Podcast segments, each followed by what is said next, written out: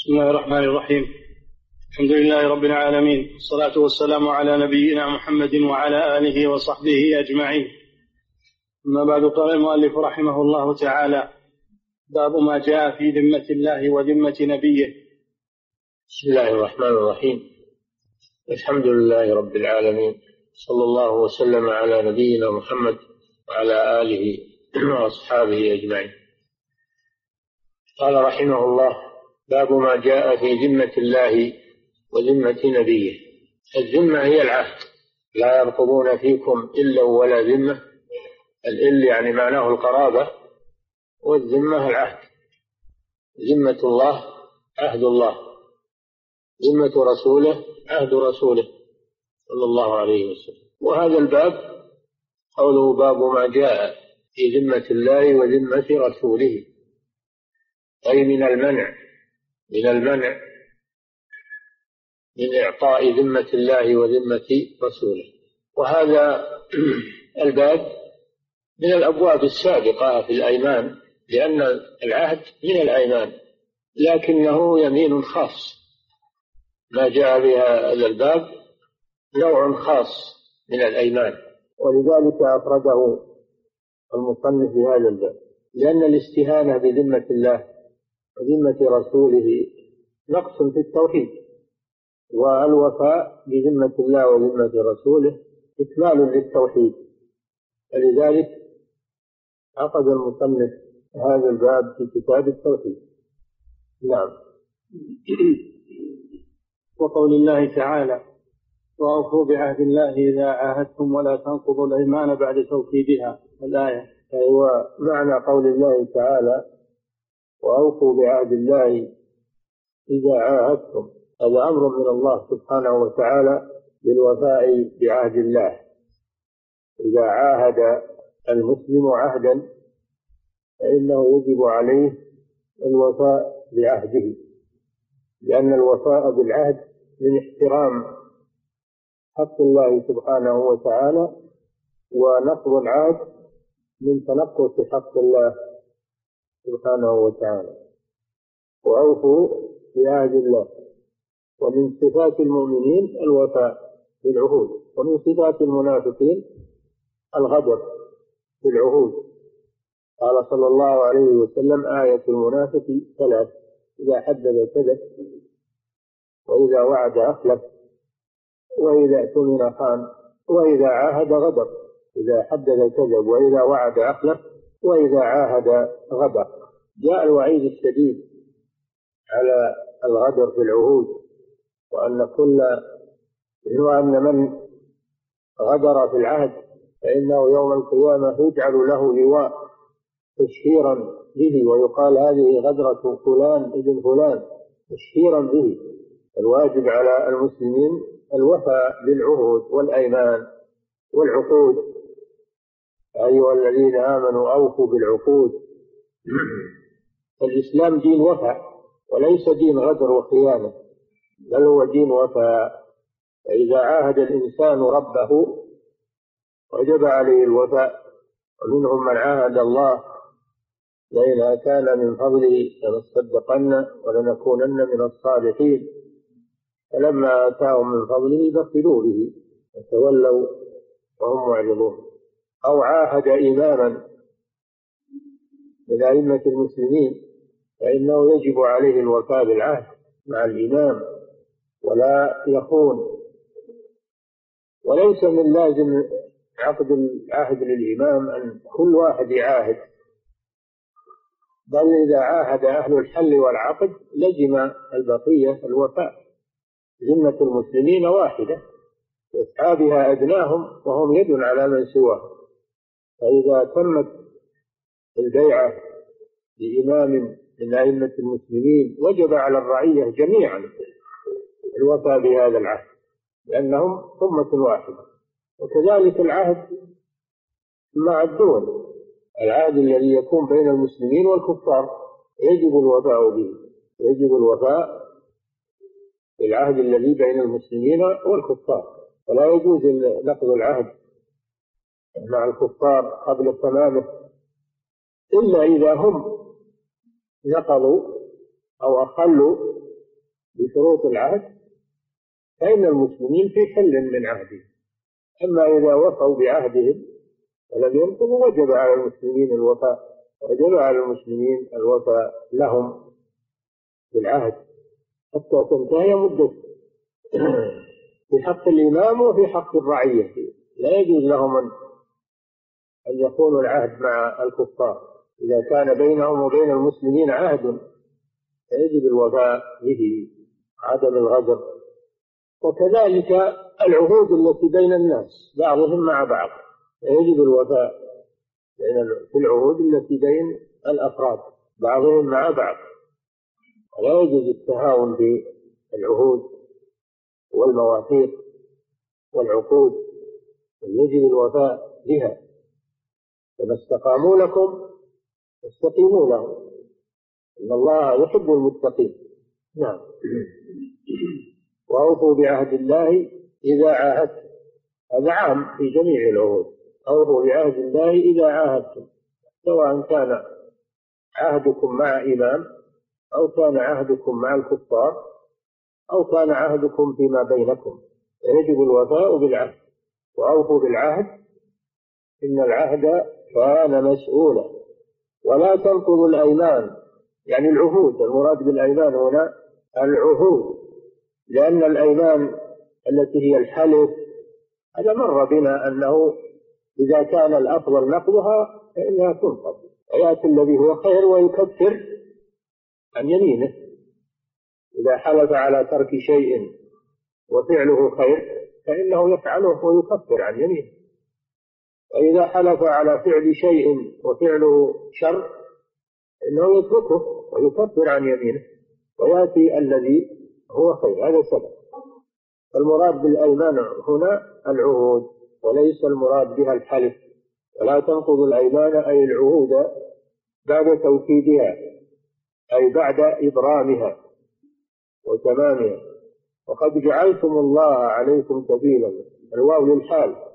أي والحال أنكم إذا عاهدتم فقد جعلتم الله عليكم كفيلا فلا تخونوا العهد فإن الله هو الكفيل به يتولى عقوبة من نقضه.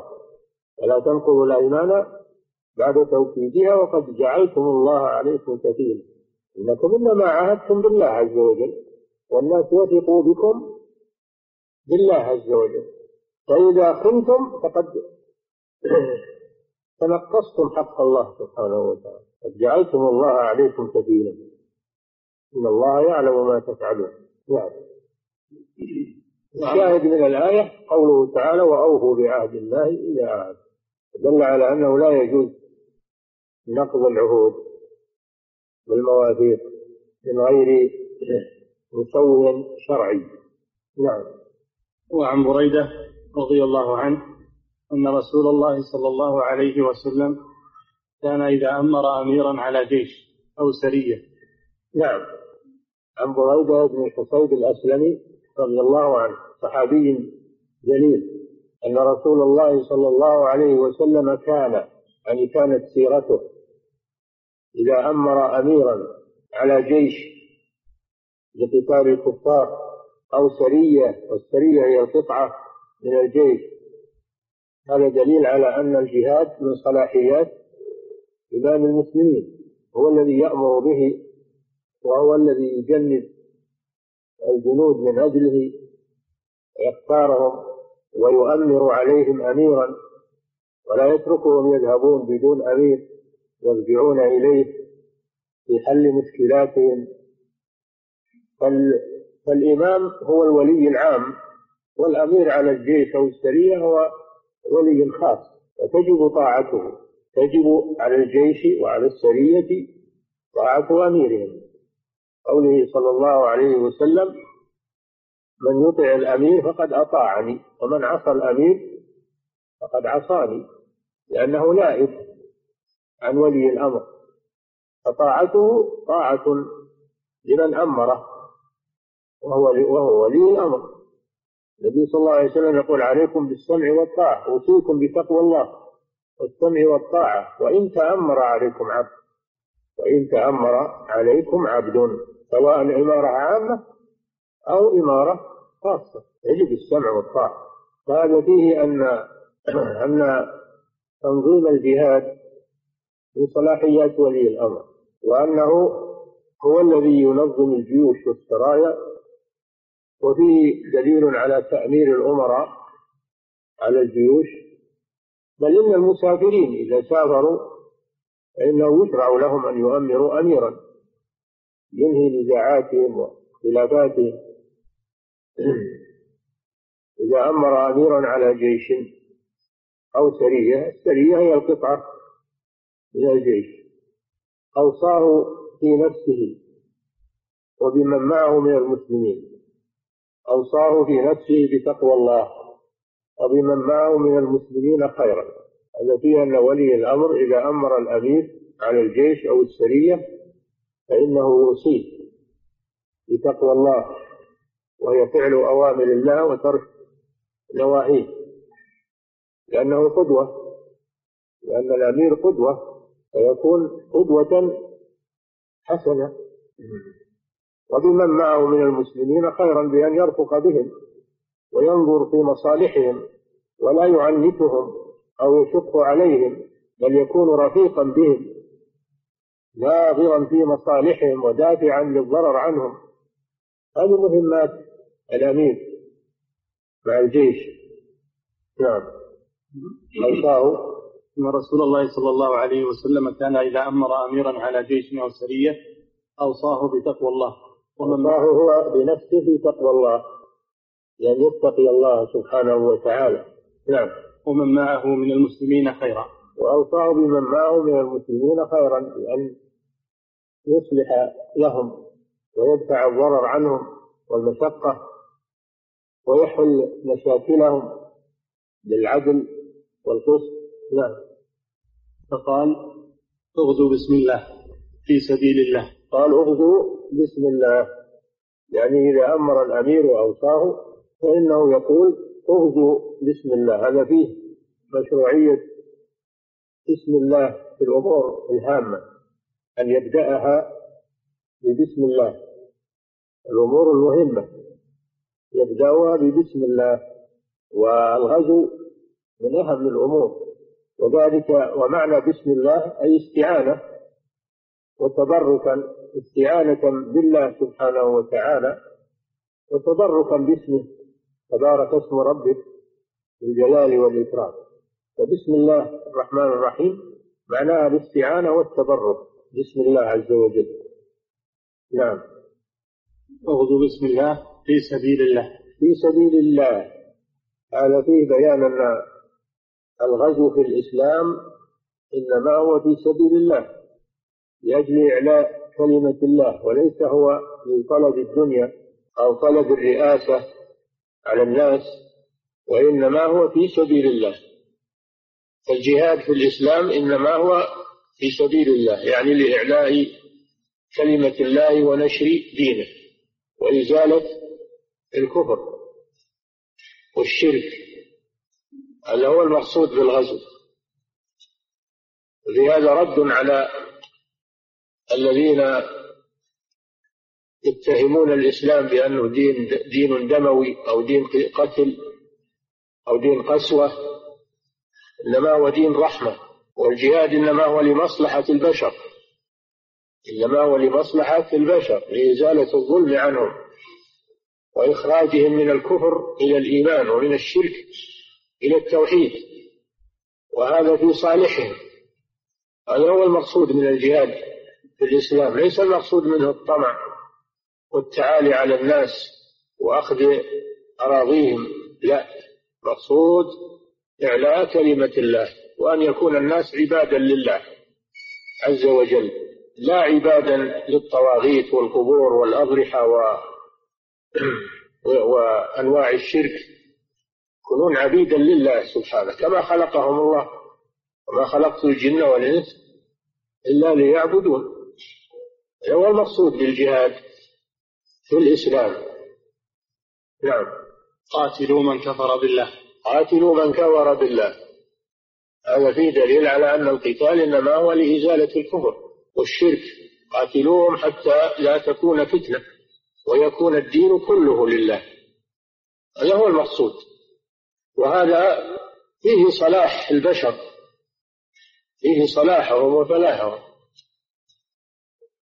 إذا إذا قتل من يكفر بالله لأجل كفره وشركه لأجل نشر التوحيد وعبادة الله وترك عبادة ما سواه وقمع الجبابرة والطواغيت الذين يتحكمون في عباد الله بغير حق هذا لمصلحة البشرية وليس هو قسوة وليس هو لأجل سفك الدماء وليس هو لأجل سلب الأموال.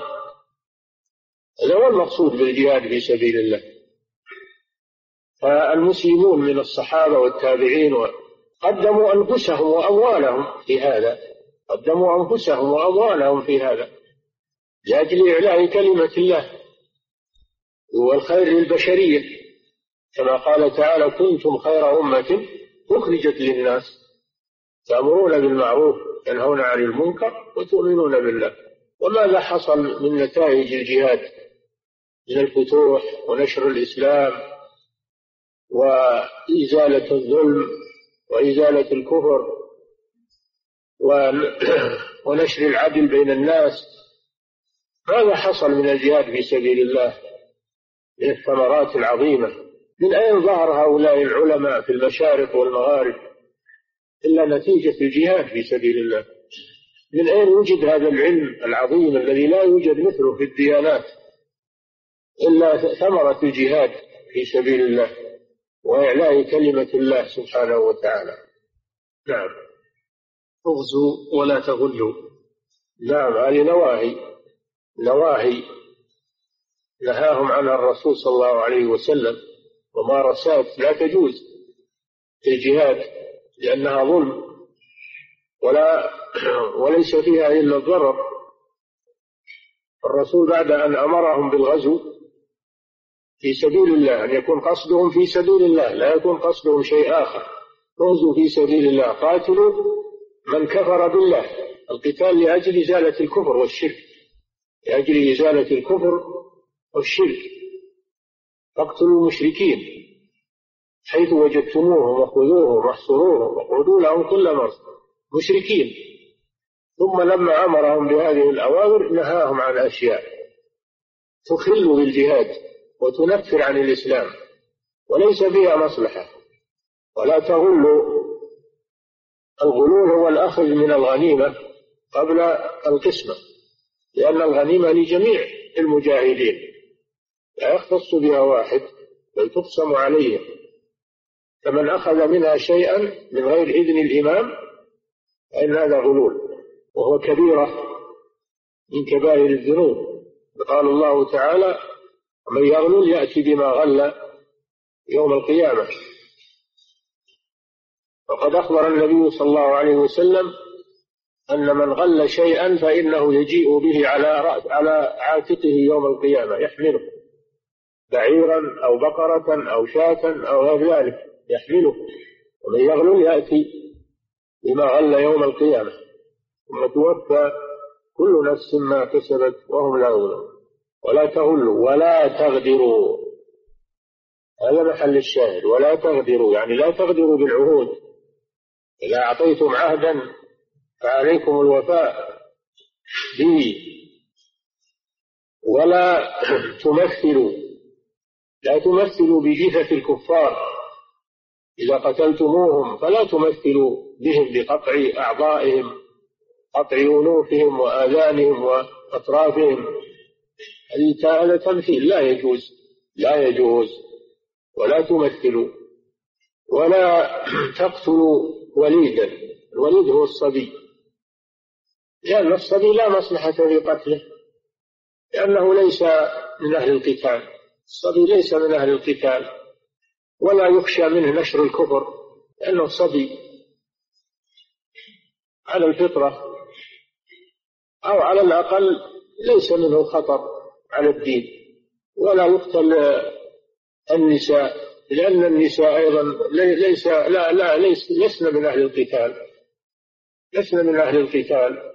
وكفرهن قاصر عليهن لا يتعداهن. كذلك الشيخ الكبير الذي ليس له رأي أيضا لا يقتل من الكفار لأن كفره قاصر عليه لا يتعدى إلى غيره وليس له رأي في الحرب. ولا الرهبان الذين في الصوامع لأنهم تفرغوا وتركوا الناس فهؤلاء لا يقتلون. نعم. اغزوا ولا تغلوا ولا تغدروا ولا تمثلوا ولا تقتلوا وليدا. وليد هو الصغير. نعم. وإذا لقيت عدوك من المشركين. نعم. فادعوهم إلى هذا رسم الخطة للمجاهد المجاهدين للأمير لأمير الجيش أو السرية إذا لقيت عدوك من المشركين. فماذا تفعل؟ أولا تدعوهم إلى الإسلام لأن الدعوة سابقة للجهاد. فإن أسلموا فالحمد لله. إن تابوا وأقاموا الصلاة وآتوا الزكاة فخلوا سبيلهم. هذا هو المقصود لأن مقصود الجهاد هو الدخول في الإسلام. فإذا أسلموا فلا حاجة للقتال ادعوا إلى الإسلام. فإن أبوا فاطلب منهم الجزية. الجزية وهي مقدار من المال يدفعه الكافر ويبقى في بلاد المسلمين لأنه قد انكف شره. انكف شره ولا يكون داعية للكفر وكفره صار قاصرا على نفسه. قد اختلف العلماء هل تؤخذ الجزية من كل الكفار؟ هذا قول الإمام مالك واختيار شيخ الإسلام ابن تيمية وابن القيم أنها تؤخذ من جميع الكفار لهذا الحديث. القول الثاني أنها تؤخذ من كفار العجم. ولا تؤخذ من كفار العرب. وهذا قول الإمام أبي حنيفة. القول الثالث أنها تؤخذ من أهل الكتاب خاصة والمجوس. قوله تعالى قاتلوا الذين لا يؤمنون بالله ولا باليوم الآخر ولا يدينون دين الحق من الذين أوتوا الكتاب حتى يعطوا الجزية عن يد وهم صاغرون. خص أهل الكتاب. والمجوس بسنة الرسول صلى الله عليه وسلم لأنه أخذ الجزية من مجوس فجر وقال سنوا بهم سنة أهل الكتاب. هذا القول الثالث. وهذا قول الإمام أحمد والشافعي وجمع من أهل العلم. فإن أبوا أن يدفعوا الجزية فاستعن بالله وقاتلهم. القتال صار هو المرحلة الأخيرة. فأين الذين يقولون أن دين الإسلام دين دموي ودين قسوة ودين. قتل. الإسلام يستعمل الرفق والتدرج مع النفس. دعوة إلى الإسلام أولا ثم الجزية ثم القتال آخر شيء. لأنه إذا أبوا الدخول في الإسلام وأبوا, وأبوا بذل الجزية فقد مرضوا على الكفر. فمردوا على الكفر ونشر الكفر في الأرض. فلا يصلحون أن يتركوا؟ قاتلوهم حتى لا تكون فتنة ويكون الدين لله. ولو بقوا لنشروا الكفر ولا فتنوا المسلمين عن دينهم. كما هو واقع الآن لما عطل الجهاد في سبيل الله ماذا فعل الكفار بالمسلمين؟ الكفار ما كفوا عن المسلمين. إذا لم يقاتلهم المسلمون في سبيل الله هم يقاتلون المسلمين. كما هو واقع الآن. ولا ولا تأخذهم شفقة ولا رحمة بالمسلمين. فما تمرد الكفار الآن على المسلمين إلا لترك الجهاد في سبيل الله. نعم. وإذا لقيت عدوك من المشركين فادعوهم إلى ثلاث خصال أو خلال. يعني ثلاث خصال أو خلال هذا شك من الراوي. والخصال والخلال بمعنى بمعنى واحد. لكن هم رحمهم الله يحفظون في الألفاظ يعني إذا شكوا في اللفظ جاءوا بأول التي للشك لئلا ينسبوا إلى رسول الله صلى الله عليه وسلم ما لم يقله. نعم. وإن كان المعنى واحدا. نعم. ثانيتهن ما أجابوك. هذا فيه وجود التحري في الرواية. وإذا لم يتيقن اللفظ النبوي فإنه يأتي باللفظ بالشك. نعم. نعم. فأيتهن ما أجابوك فاقبل منهم وكف عنهم. هذا اللي وين اللي يقولون إن الإسلام دين قسوه ودين جبروت ودين ودين عنف ودين إرهاب؟ قبحهم الله. الإسلام دين رحمة ودين رفق. هم دين عنف ولا دين إرهاب ولا دين دين رحمة وما أرسلناك إلا رحمة للعالمين. نعم. ثم ادعوهم إلى الإسلام. فإن اجابوك فاقبل منهم. حتى الكفار الكفار يزال عنهم الجبابرة والطواغيت يصيرون تحت حكم الإسلام ويبذلون الجزية. أليس هذا من الرحمة ويبقون في تحت حكم الإسلام آمنين مطمئنين. هذا من الرحمة. ويزال عنهم الطغاة والجبابرة الذين كانوا يسومونهم سوء العذاب. نعم.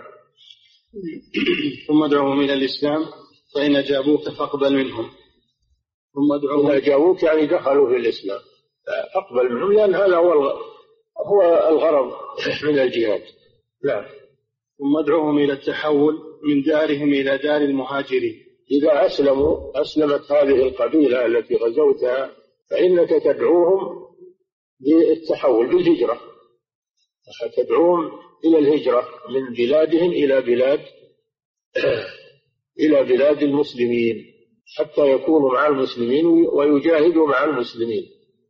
والهجرة هي الانتقال من بلد الكفر إلى بلد الإسلام وهي واجبة إلى أن تقوم الساعة باقية أو الانتقال من البادية إلى الحاضرة من بادية الإسلام إلى حاضرة الإسلام. هذه هجرة أيضا.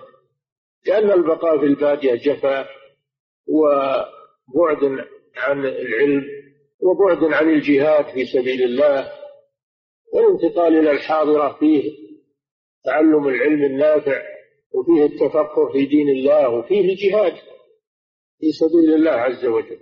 فالهجرة إما أن تكون من بلاد الكفر إلى بلاد الإسلام وهذا واجب مع القدرة وإما أن تكون من البادية إلى الحاضرة. وهذا هو المقصود في هذا الحديث. المقصود هو النوع الثاني أنهم ينتقلون من البادية ومن الأعراب إلى حاضرة الإسلام ليتعلموا ويتفقهوا وليجاهدوا في سبيل الله. نعم. وهذه ليست واجبة. الهجرة الأولى الانتقال من بلاد الكفر إلى بلاد الإسلام هذه واجبة. أما الهجرة الثانية والانتقال من بادية الإسلام إلى حاضرة الإسلام فهذه مستحبة. هذه مستحبة. إن فعلها فهو خير وإن تركها فلا حرج عليه لأنه في بلاد الإسلام. بادية الإسلام تابعة لحاضرة الإسلام. نعم. ثم ادعوهم إلى التحول من دارهم إلى دار المهاجرين. هذا من باب الاستحباب. نعم. وأخبرهم أنهم إن فعلوا ذلك يعني إن انتقلوا إن انتقلوا من البادية إلى الحاضرة فلهم ما لأهل الحاضرة لهم إذا إذا غزوا مع المسلمين لهم من الغنيمة والفيء. نعم. وأخبرهم أنهم إن فعلوا ذلك فلهم ما للمهاجرين وعليهم ما على المهاجرين. نعم. فإن أبوا أن يتحولوا فأخبرهم أنهم يكونون كأعراب المسلمين. نعم إذا أبوا أن يتحولوا من البادية إلى الحاضرة فاتركهم لأنهم تركوا شيئا مستحبا ولم يتركوا واجبا. لكن أخبرهم أنهم لا يشاركون أنهم تجري عليهم أحكام الإسلام وهم في مكانهم ولكن ليس لهم من الغنيمة شيء لأنهم لم يجاهدوا مع المسلمين. نعم.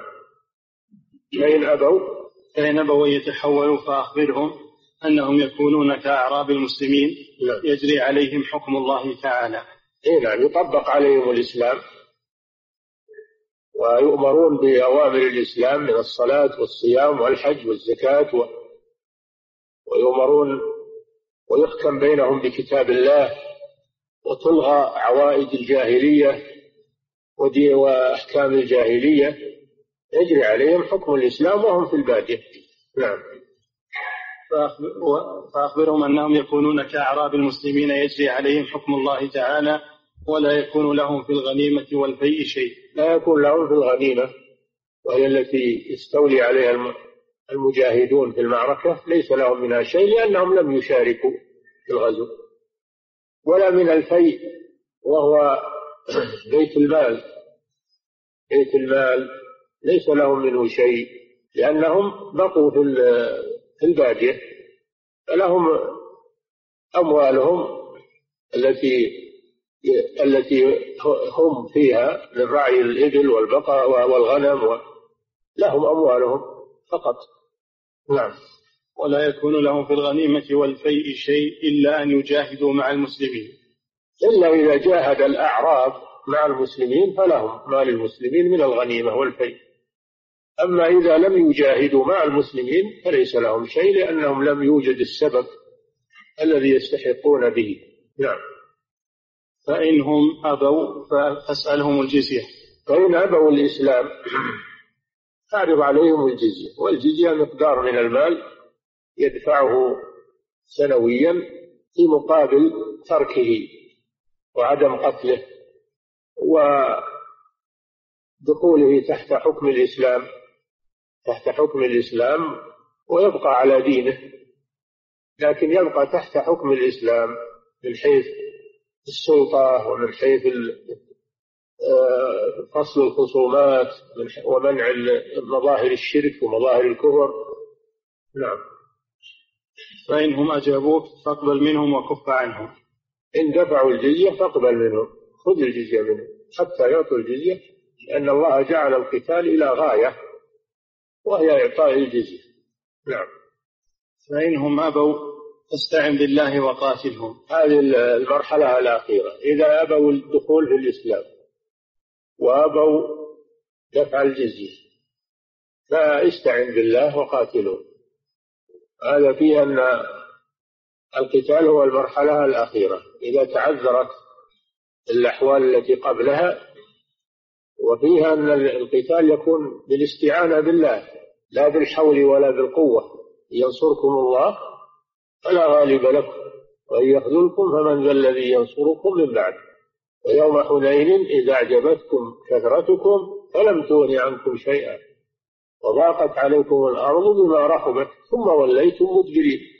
فإذا لم يكن من الله إعانة فإنها لا تنفع كثرة الجنود ولا قوة السلاح. فلا بد من الاستعانة بالله عز وجل وعدم الإعجاب عدم الإعجاب بالقوة. نعم. وإذا حاصرت أهل حصن فأرادوك أن تجعل لهم إذا حاصرت أهل حصن الحصار هو هو تطويق المكان بحيث لا يخرج منه أحد ولا يدخل إليه أحد. هذا هو الحصار تطويق في المكان مكان العدو تطويق مكان العدو بحيث لا يخرج منه أحد ولا يدخل إليه أحد ولا يدخل إليه مال ولا قوة ولا شيء هو الحصار. والحصن الحصن هو البناء الذي يتحصن به المقاتلون الأبنية الأبنية التي يتحصن بها المقاتلون تسمى بالقلاع والحصون. وهي الأبنية الحصينة التي يتحصن بداخلها من يتحصن من بداخلها من العدو. وظنوا أنهم مانعتهم حصونهم من الله. نعم. وإذا حاصرت أهل حصن قد يكون القتال في الميدان. قد يكون القتال في الميدان. وقد يكون القتال من وراء الحصون. وهذا هو المقصود هنا. يكونون في حصون وهذا لا يكون في البوادي هذا إنما يكون في الحواضر حواضر المشركين. هم الذين يتحصنون بالحصون. وأما البوادي بوادي الكفار فإنهم لا يكون عندهم حصون. نعم.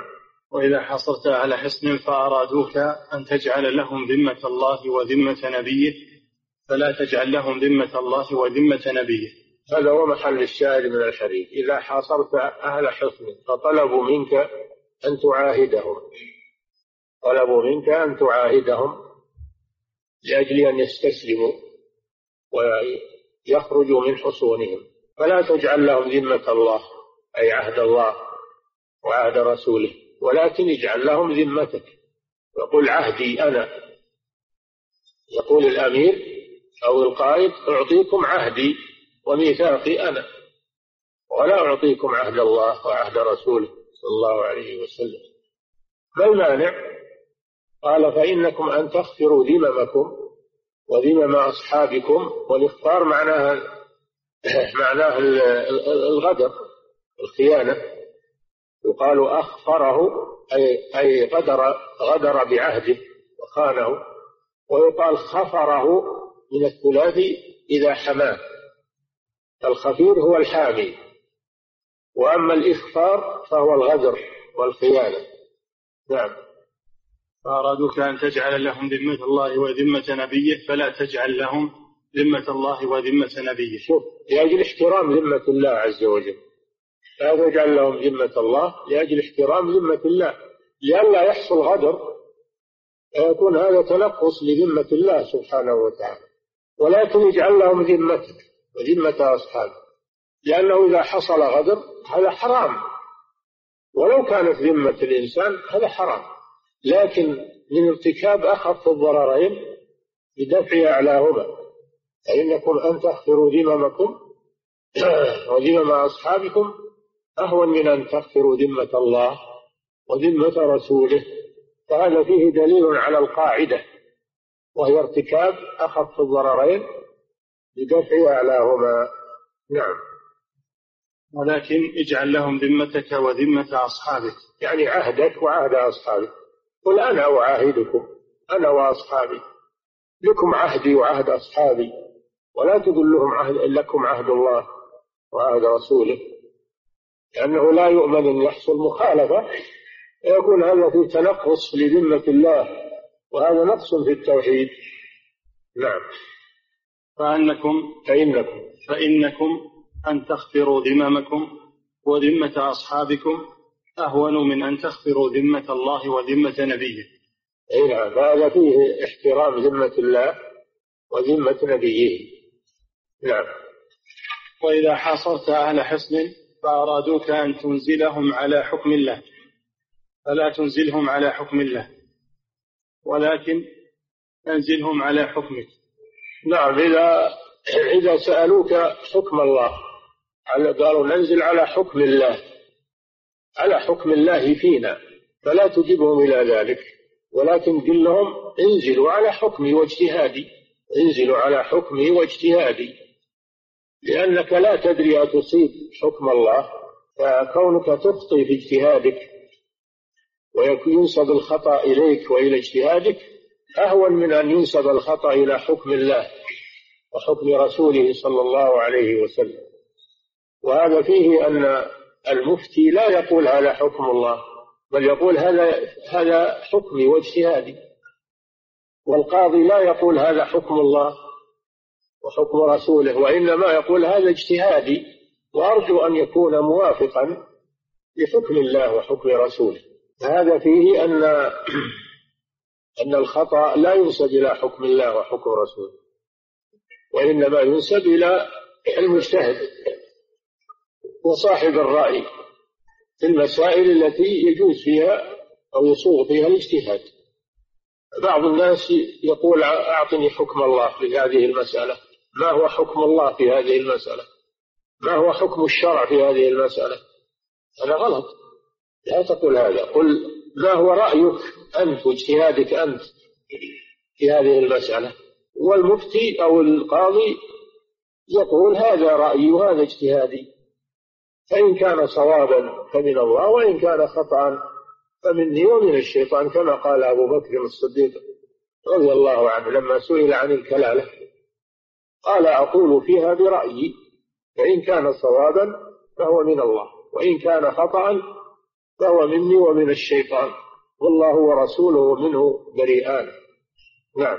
فلا تنزلهم على حكم الله ولكن انزلهم على حكمك. فإنك لا تدري أتصيب فيهم حكم الله أم لا. رواه مسلم. واستدل الوصوليون على أن الصواب يكون مع أحد المجتهدين وليس كل مجتهد يكون مصيبا وإنما المصيب أحد المجتهدين لا بعينه الله أعلم. إذا اجتهد اثنان أو ثلاثة في مسألة واختلفوا فلا فلا بد أن الصواب مع أحدهم لكن لا نجزم. لا نجزم بذلك. ما دام الدليل محتملا ما ترجح شيء بدليل وإنما الخلاف متعادل. الخلاف متعادل. فهنا نجزم أن الصواب مع واحد لكن لا ندري من هو. نعم. ومن هنا قال الفقهاء لا مشاحة في مسائل الاجتهاد. يعني المسائل التي لم يتبين فيها الدليل. كل قول فهو محتمل إنه هو الحق. نعم. قوله باب ما جاء في ذمة الله وذمة نبيه. وقول الله تعالى الشاهد من الحديث قوله فإنكم أن تغفروا ذممكم وذمم أصحابكم أهون من أن تغفروا ذمة الله وذمة رسوله؟ هذا هو الشاهد من الحديث. فيه احترام ذمة الله وذمة رسوله. نعم. وقول الله تعالى وأوفوا بعهد الله إذا عاهدتم ولا تنقضوا الأيمان بعد توكيدها الآية. قال العماد بن كثير. وهذا مما يأمر الله تعالى به. وهو العماد هذا لقبه. عماد الدين بن كثير. وإلا اسمه إسماعيل. اسمه إسماعيل. نعم. وهذا مما يأمر الله تعالى به وهو الوفاء بالعهود والمواثيق والمحافظة على الأيمان. نعم. ولهذا قال ولا تنقضوا الأيمان بعد توكيدها وهذه الأيمان المراد بها الداخلة في العهود والمواثيق. هي أيمان خاصة ليست الحلف. ليست أيمان الحلف. فإن أيمان الحلف سبق لنا أنها يجوز أو يستحب أو يجب نقضها إذا كان نقضها أحسن من المضي فيها. نعم. وهذه الأيمان المراد بها الداخلة في العهود والمواثيق لا الأيمان الواردة على حث ومنع. هذه هي الأيمان المحلوف بها. نعم. قوله إن الله يعلم ما تفعلون تهديد ووعيد. لا يخفى عليه عملكم في في العهود والمواثيق. فإن وفيتم فلكم الجزاء من الله وإن غبرتم فعليكم العقاب من الله لأن الله لا يخفى عليه شيء من أعمالكم. نعم. قوله عن بريدة هو ابن الحصيب الأسلمي وهذا الحديث من رواية ابنه سليمان عنه. قوله كان رسول الله صلى الله عليه وسلم إذا أمر أميرا على جيش أو سرية أوصاه بتقوى الله تعالى. فيه من الفقه تعمير الأمراء ووصيتهم. نعم. فيه من الفقه أن أن أمور الجهاد من شأن ولي الأمر وأن ولي الأمر إما إما أن يقود الجيش بنفسه كما كان النبي صلى الله عليه وسلم يقود الجيوش بنفسه وإما أن يؤمر عليهم أميرا ينوب عنه. يعني ليس بلازم أنه يقود الجيوش بنفسه لكن يؤمر عليهم من ينوب عنه. نعم. قال الحربي نعم. فيه من الفقه تأمير الأمراء ووصيتهم. نعم. قال الحربي السرية الخيل تبلغ أربعمائة ونحوها. السرية هي القطعة من الجيش. نعم. والجيش ما كان أكثر من ذلك. نعم. وتقوى الله التحرز من عقوبته بطاعته. نعم. التحرز من عقوبته بطاعته. التحرز هو التوقي من العقوبة. وما الذي يقيك العقوبة؟ هو هو الطاعة. نعم. قوله ومن معه من المسلمين خيرا أو أي وأوصاه بمن معه أن يفعل معهم خيرا. من الرفق بهم نعم. والإحسان إليهم وخفض الجناح لهم وترك وترك التعاظم عليهم. ويكون كواحد منهم لا يترفع عليهم وينظر في مصالحهم ويدفع الضرر عنهم ويرفق بهم في المسير والنزول. ولا يشق عليهم. نعم. قوله اغزوا بسم الله. أي اشرعوا في الغزو مستعينين بالله مخلصين له. فهذا فيه أن الأمور المهمة تبدأ ببسم الله. نعم. فتكون الباء في بسم الله للاستعانة بالله والتوكل عليه هنا. والتقدير أستعين بالله. أو أو أتبرك بسم الله. المقدر لأن الجار والمجرور متعلق بمحذوف. تقديره أستعين بالله أو أتبرك بسم الله. نعم. قوله قاتلوا من كفر بالله. نعم. هذا هو بيان الحكمة من الجهاد في الإسلام وهو أنه لأجل إزالة الكفر والشرك لأن الله خلق الخلق لعبادته. فإذا عبدوا غيره فإنه يجب دعوتهم إلى عبادة الله. فإن رجعوا وإلا فإنهم يقاتلون لئلا يفسدوا في الأرض وينشروا الكفر ويتسلطوا على المسلمين. هذا هو الغاية من الجهاد. قاتلوهم يعذبهم الله بأيديكم ويخزهم وينصركم عليهم ويشفي صدور قوم مؤمنين ويذهب غيظ قلوبهم ويتوب الله على من يشاء. كتاب سبب للتوبة. قد يؤسرون بالقيود ثم يتوبون ويسلمون ويدخلون الجنة. كما قال صلى الله عليه وسلم عجب ربنا من قوم يقادون إلى الجنة بالسلاسل. يعني يؤسرون ويؤتى بهم أسارى بسلاسل الحديد ثم يتوبون إلى الله ويدخلون الجنة. وفي الحديث يضحك الله إلى رجلين يقتل أحدهما الآخر كلاهما يدخلان الجنة. كافر يقتل مسلم ثم يتوب الكافر. كافر يقتل مسلما ويدخل القتيل الجنة ثم يتوب الكافر ويدخل الجنة. هذا فضل الله سبحانه وتعالى. نعم. قوله قاتلوا من كفر بالله. هذا العموم يشمل جميع أهل الكفر المحاربين من أهل الكتاب وغيرهم. نعم من كفر من كفر هذا عام. كل من كفر سواء من أهل الكتاب أو من غيرهم من الوثنيين. نعم. واستثني منهم من له عهد وكذلك الذراري والأولاد. استثني من من الكفار من له عهد فإنه لا يقاتل إلا بعد نهاية عهده أو أن يكون منه غدر وخيانة. أما ما دام قائما على العهد ووافيا بالعهد فإنه يوفى له بالعهد. نعم. استثني منهم من له عهد وكذلك الذراري والأولاد والنساء. وكذلك من لا يستثنى من لا من لا يقاتل. من من الذراري والنساء وكبار السن. هؤلاء لا يقاتلون ولا يحملون السلاح ولا ينشرون الكفر لأنهم ما يقدرون على نشر الكفر. فكفرهم قاصر على أنفسهم. نعم. وكذلك الذراري والأولاد والنساء والرهبان فلا يقتلون. الرهبان جمع راهب وهو العابد الذي تفرغ للعبادة من النصارى. لا يترك لأنه ما منه ضرر. ضرره على نفسه فقط. ولا منه ضرر على الناس. نعم. قوله ولا تغلوا ولا تغدروا ولا تمثلوا. الغلول الأخذ من الغنيمة من غير قسمتها. يعني قبل القسمة. أما إذا قسم له وأعطي نصيب هذا حلال. فكلوا مما غنمتم حلالا طيبا. نعم. قال تعالى ومن يغلل يأتي بما غل يوم القيامة. نعم. والغدر نقض العهد. نعم. ولا تغدروا. الغدر نقض العهود. المسلم إذا أعطى عهدا فإنه يجب عليه الوفاء بعهد الله سبحانه وتعالى. نعم. والتمثيل هنا التشويه التشويه بالقتل كقطع أنفه التشويه بالقتيل. نعم. التشويه بالقتيل كقطع أنفه وأذنه والعبث به. ولو كان كافرا فلا يعبث به ولو كان لا يعبث بجثته ولو كان كافرا. فكيف بالمسلم؟ لا يجوز هذا. الآدمي له حرمة ولو كان كافرا بعد موته. نعم. قوله وإذا لقيت عدوك من المشركين فادعهم إلى ثلاث خصال أو خلال الرواية بأو التي هي للشك. والمعنى واحد. نعم. قوله فأيتهن ما أجابوك فاقبل منهم وكف عنهم. يعني إن أجابوا إلى الإسلام فاقبل منهم وكف عنهم. إن أجابوا إلى بذل الجزية فاقبل منهم وكف عنهم. نعم. قوله فأيتهن ما أجابوك فاقبل منهم وكف عنهم منصوب بأجابوا. قوله ثم ادعوهم منصوب بأجابوا. أجابوك إلى أيتهن.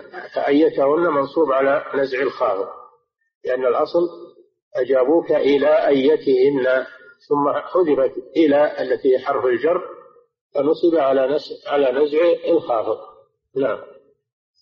قوله ثم ادعهم إلى الإسلام. كذا وقعت الرواية في جميع نسخ كتاب مسلم. ثم ادعوهم ثم يعني كلمة ثم. هذه لا مكان لها من من الإعراب. هي زائدة. وجاءت في بعض الأحاديث محذوفة. نعم. ثم ادعوهم بزيادة. ثم قوله ثم ادعوهم إلى التحول من دارهم إلى دار المهاجرين. يعني المدينة إذ ذاك يعني في هذاك الوقت دار الهجرة هي المدينة. أما بعد الفتح فصارت دار الهجرة هي بلاد الإسلام. في المدينة وفي مكة وفي أي مكان بلاد الإسلام. لكن في ذاك الوقت ما كان في بلاد الإسلام إلا المدينة. مدينة الرسول صلى الله عليه وسلم قبل فتح مكة. نعم. وهذا يدل على أن الهجرة واجبة على كل من آمن وهو في بلد الشرك. نعم. هذه الهجرة واجبة وهي الانتقال من بلد الشرك إلى بلد الإسلام لمن لا يقدر على إظهار دينه. هجرة واجبة. نعم. وكذلك إذا ظهرت المعاصي في بلده. وأما الهجرة من البادية إلى الحاضرة هذه مستحبة وليست واجبة لأن الكل بلد إسلامي. بلاد البادية والحاضرة كلها بلد إسلامي. لكن الانتقال من المفضول إلى الأفضل. نعم. وكذلك إذا ظهرت المعاصي في بلده نص عليه الفقهاء في كتبهم. يعني إذا كان أنه في بلد تظهر فيه بلد مسلم لكن تظهر فيه المعاصي والمخالفات يستحب أنه ينتقل منه إلى بلد نقي من الذنوب والمعاصي وفيه الأمر بالمعروف والنهي عن المنكر. نعم. قوله فإنهم أبوا أن يتحولوا منها. يعني أن من أسلم ولم ولم يجاهد ولم يهاجر من البداوة لم يعطى له من الخمس ولا من الفيء شيء. لأنه لم يشارك. لأنه لم يشارك. فلا يعطى المسلم من الأعراب المسلم من الأعراب أو من البادية لا يعطى من الغنيمة والفيء شيء إلا بأحد أمرين. إما أن يهاجر وإما أن يقاتل مع مع المهاجرين. فإذا لم يهاجر ولم يقاتل مع المهاجرين فليس له شيء. نعم. قوله فإنهم أبوا فاسألهم الجزية. فيه حجة لمالك وأصحابه والأوزاعي في أخذ الجزية من كل كافر عربيا كان أو غيره. لعموم هذا الحديث. والقول الثاني أنها تؤخذ من من كفار العجم فقط لا من كفار العرب. هذا قول أبي حنيفة. والقول الثالث تؤخذ من أهل الكتاب والمجوس فقط. ويكون الحديث مخصص بالآية. نعم. نعم. عربيا كان أو غيره كتابيا كان أو غيره وقد اختلف في القدر المفروض من الجزية. فقال صحيح أن مقدار الجزية موكول إلى اجتهاد الإمام. ليس فيها تحديد من الرسول صلى الله عليه وسلم. فهو موكول إلى اجتهاد الإمام فيحمل كل واحد من الذميين بقدر استطاعته. يحمل كل واحد بقدر استطاعته. نعم. فقال مالك أربعة دنانير على أهل الذهب وأربعون درهما على أهل الورق. وقال الشافعي دينار على الغني والفقير. وقال أبو وقال أبو حنيفة على الغني ثمانية وأربعون درهما والوسط أربعة وعشرون درهما والفقير اثنا عشر درهما. وهو قول أحمد بن حنبل. والصحيح أن أنه يرجع فيها إلى اجتهاد الإمام. هو الذي يقدرها نعم. وعند مالك وكافة العلماء على الرجال الأحرار البالغين دون غيرهم. أي نعم على الرجال الأحرار البالغين. الرجال يخرج النساء الأحرار يخرج الأرقة من الكفار. البالغين يخرج الصغار من الكفار ليس عليهم جزية. نعم. وإنما تؤخذ ممن كان تحت قهر المسلمين لا ممن نأى بداره. وإذا عاهدناهم فإن كانوا في بلادنا أخذنا منهم الجزية وإن كانوا مقيمين في بلادهم وبيننا وبينهم عهد فلا نأخذ منهم الجزية لأنهم ليسوا تحت حكمنا. نعم. وإنما تؤخذ ممن كان تحت قهر المسلمين لا ممن نأى بداره ويجب تحويل النائي إلى بلاد المسلمين أو حربهم. نعم. قوله وإذا حصرت أهل حصن إلى آخره فيه حجة لمن يقول لمن يقول من الفقهاء وأهل الأصول إن المصيبة في مسائل الاجتهاد واحد. قوله فإنك لا تدري أتصيب حكم الله فيهم أو لا. مع أنه مجتهد فالمجتهد لا يجزم أنه مصيب بل يتحرى الدليل. نعم. وهو المعروف من مذهب مالك وغيره. قوله يعني في من الأصوليين من يقول كل مجتهد مصيب. وهذا غلط ما هو كل مجتهد مصيب. المصيب واحد. لأن الحق لا يتعدد. الحق شيء واحد. وهو مع أحد المجتهدين. نعم. قوله وإذا حصلت فإذا ظهر لنا الدليل قلنا الحق مع من وافق الدليل. وإذا لم يظهر لنا الدليل قلنا كل واحد محتمل أنه مصيب. نعم. قوله وإذا حصلت أهل حسن فأرادوك أن تجعل لهم ذمة الله وذمة نبيه. الذمة العهد نعم. وتخفر تنقض. يقال أخبرت الرجل نقضت عهده وخفرته أجرته. لأن خفرته من الثلاثي وأخفرته من الرباعي من أخفر. نعم. فالإخفار مذموم والخفر هذا لا بأس به الحماية. ومنه يقال الخفير. الخفير هو الذي يحمي الإنسان ويحمي الطريق. خفر السواحل يعني حفظها. نعم. لأنه لا يؤمن على من أعطى ذمة أن يخفرها. نعم. فخفر ذمته أهون من أن يخفر ذمة الله تعالى. إيه نعم لأن المعاهد على على خطر أنه يغدر. لأن ما هو معصوم ما هو معصوم من الغدر. فما دام أنه يخشى أنه يغدر فكونه يغدر بذمته هو أهون من أن يغدر بذمة الله وذمة رسوله. هذا من ارتكاب أخف الضررين بدفع أعلاهما. وإن كان الكل حراما لكن بعضه أشد من بعض. نعم. قال رحمه الله فيه مسائل. نعم. الأولى الفرق بين ذمة الله وذمة نبيه وذمة المسلمين. الفرق بين ذمة الله وذمة نبيه وبين ذمة المسلمين. أن ذمة الله وذمة رسوله لا تعطى لأحد. وأما ذمة المسلمين فتعطى. نعم. الثانية الإرشاد إلى أقل الأمرين خطرا. نعم هذا ما يقولون عنه ارتكاب أخف الضررين لدفع أعلاهما هذه قاعدة. نعم. الثالثة قوله اغزوا بسم الله في سبيل الله. نعم أن الغزو ليس القصد منه إلا إعلاء كلمة الله وليس القصد منه التعالي على الناس. نعم. الرابعة قوله قاتلوا من كفر بالله. أن القتال من أجل الكفر وليس هو من أجل الدفاع كما يقوله الجهال من كتاب العصر. يقولون المقصود يريدون يردون على الكفار يقولون الإسلام ما هو دين قتال الإسلام إنما هو دفاع فقط. هذا ما كل يدافع حتى البهائم تدافع عن نفسها والكافر يدافع عن نفسه. هل نسمي دفاع الكافر جهاد؟ صحيح هذا. الدفاع كل يدافع لكن الجهاد في سبيل الله هذا لا يكون إلا من أهل الإيمان. نعم. الخامسة قوله استعن بالله وقاتلهم. نعم أنه يجب الاستعانة بالله ولا يعتمد على الحول والقوة. نعم. السادسة الفرق بين حكم الله وحكم العلماء. نعم حكم الله لا يكون إلا حقا أما حكم العلماء فيحتمل الخطأ والصواب. حكم العلماء يحتمل الخطأ والصواب. ما حكم الله ولا يكون إلا حقا. نعم. السابعة في كون الصحابي يحكم عند الحاجة بحكم لا يدري أيوافق حكم الله أم لا. إذا كان الصحابة مطلوب منهم الاجتهاد فغيرهم من باب أولى. نعم. مثل فضيلة الشيخ وفقكم الله. هل الجهاد مراد بذاته؟ أي هل هو غاية أو وسيلة للدعوة إلى الله؟ وهل يعدل عنه إذا كان هناك وسيلة أخرى؟ الجهاد لأجل إعلاء كلمة الله وإزالة الكفر والشرك والظلم عن العباد. هو المقصود من من الجهاد. ولا يستبدل الجهاد بغيره. لكن لا بد من الدعوة قبل الجهاد. فإن استجابوا وإلا يصار إلى الجهاد. نعم. ولا يتركون على كفرهم وشرهم. نعم. يقول فضيلة الشيخ وفقكم الله ما هو دور المسلم في هذه البلاد أو غيرها من البلاد الإسلامية تجاه العدوان الذي يقصد به إخوانهم المسلمين؟ ما هو دور المسلم في هذه البلاد أو غيرها من البلاد الإسلامية تجاه العدوان الذي يقصد به إخوانهم المسلمين في البلاد الإسلامية الأخرى؟ وهل يكفي الدعاء لهم فقط؟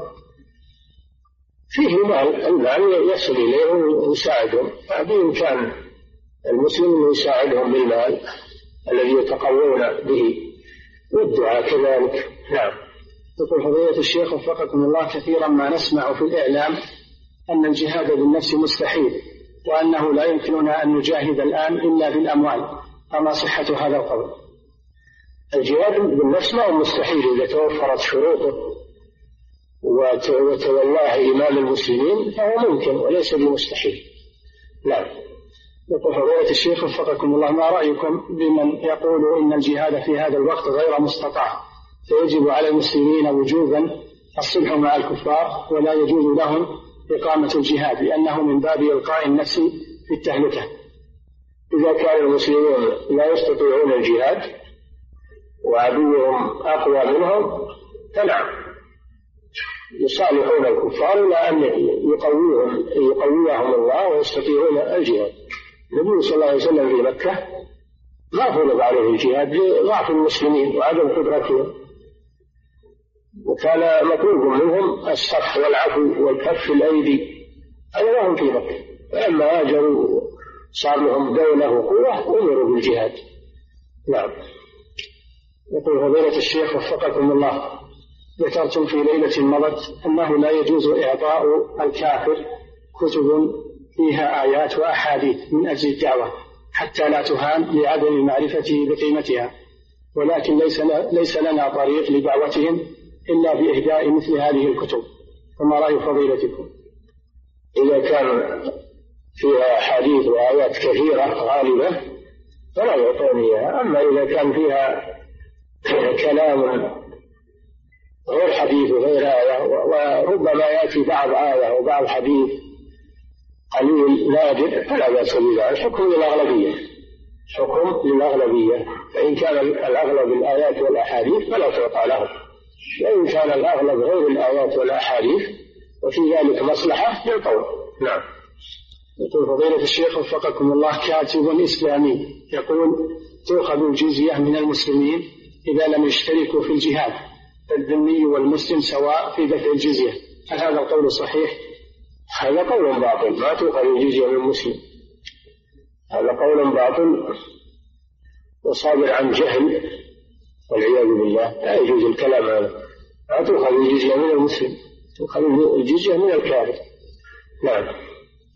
يقول فضيلة الشيخ وفقكم الله ما حكم المثلة وإذا مثل بنا الكفار فهل نمثل بهم؟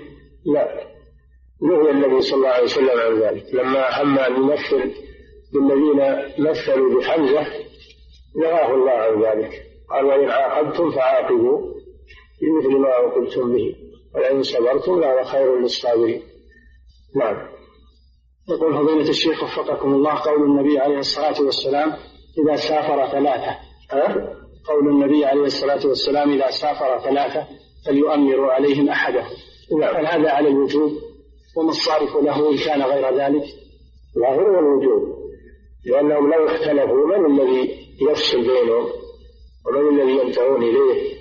لابد من وجود أمير في السفر نعم. ثم إذا اجتمع جماعة في استراحة مثلا داخل البلد بشكل دوري فهل ينسحب الحكم عليهم أيضا؟ لا هذا ليس بسفر إذا صاروا في البلد فالأمير أمير البلد. اختلفوا في شيء يرجعون لأمير البلد. نعم. فضيلة الشيخ وفقكم الله عاهدت شخصا على حفظ متن من المتون العلمية وقلت عند العهد إن شاء الله. ولكن لم أستطع الوفاء بالعهد لم أستطع الوفاء بالعهد فهل يلزمني شيء مع أني علقت ذلك بالمشيئة. إذا قال إن شاء الله فإنه لا يحدث ولا يلزم من حلف فقال إن شاء الله لم يحدث لأن هذا استثناء. نعم. يقول فضيلة الشيخ وفقكم الله ورد في درس ماضي لفضيلتكم أن النذر الذي يكون لأمر مباح أن الشخص مخير في فعله أو كفارة يمين نعم. النذر في هذه الحالة أليس يكون واجبا؟ لا. نذر المباح ما هو واجب. يخير بين فعله وبين أنه يكفر كفارة يمين لأنه يجري مجرى اليمين. نعم. يقول فضيلة الشيخ ما في تقرب إلى الله حتى يكون واجب. النبي صلى الله عليه وسلم يقول من نظر أن يطيع الله فليطع هذا ليس به طاعة هذا مباح. نعم. يقول فضيلة الشيخ وفقكم الله يذكر أنه قادم من الشرقية لسؤال فضيلتكم هذا السؤال. يقول أنا إمام مسجد وقعت في حرج مع جماعة مسجدي بسبب قنوت المساجد المجاورة لمسجدي في أوقات الصلاة الجهرية حتى غضب بعضهم علي وجاءني من يقول إن المشائخ قد قالوا في التلفاز ليلة السبت إن على الأئمة أن يقنطوا لإخوانهم في فلسطين. طالما أن ولي الأمر لم يمنع ذلك. وقد ذهبت للأوقاف فقالوا لم يأتي ابن ولم يأتي من وأنا أسأل فضيلتكم هل أقنط أو لا؟ امتنع امتنع من القنوت. والذي يدعو ما أغلق الباب دونه يدعو. يدعو في في الليل يدعو في الوتر في القنوت. يدعو يمشي وهو جالس. الدعاء ما منع. يعني هو دعاء الا بالقنوت فقط. ما منع الدعاء يدعو وما دام لم يصدر فتوى فلا فلا تقنط. نعم. يقول فضائل الفريضة ما يدخل فيها شيء. ما يدخل فيها زيادة أو شيء إلا بفتوى. من أهل العلم. نعم.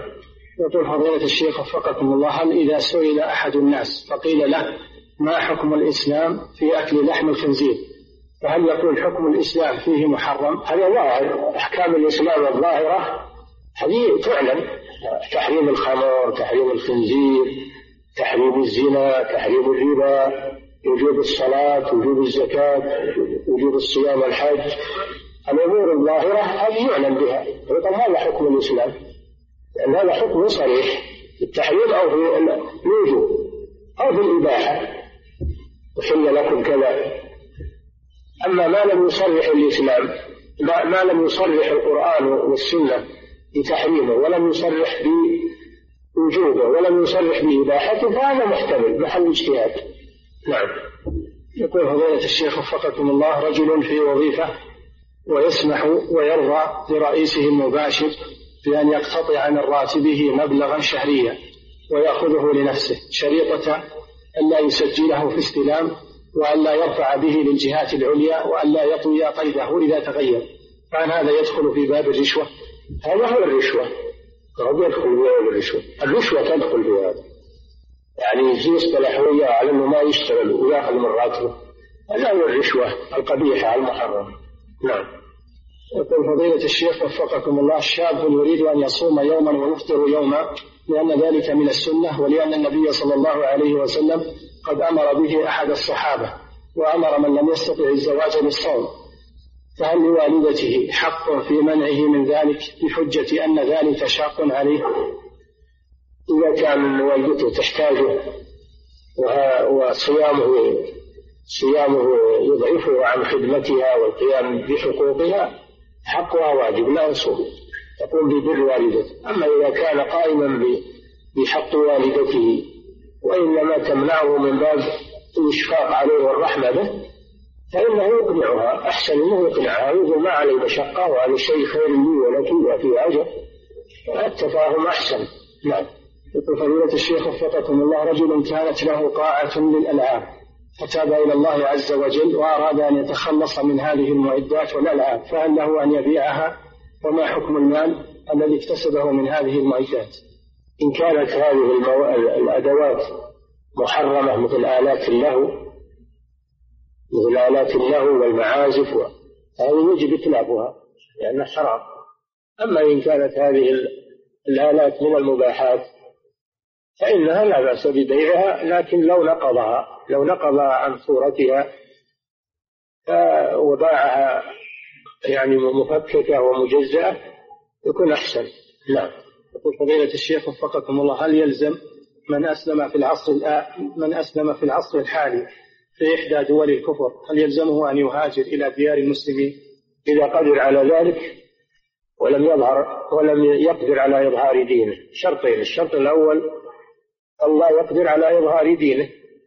الشرط الثاني أن يكون مستطيعا للهجرة. هذا يجب عليه الهجرة.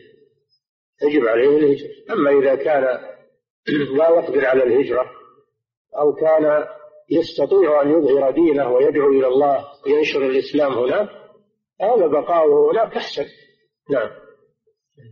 الله تعالى أعلم وصلى الله وسلم على نبينا محمد وعلى آله وصحبه.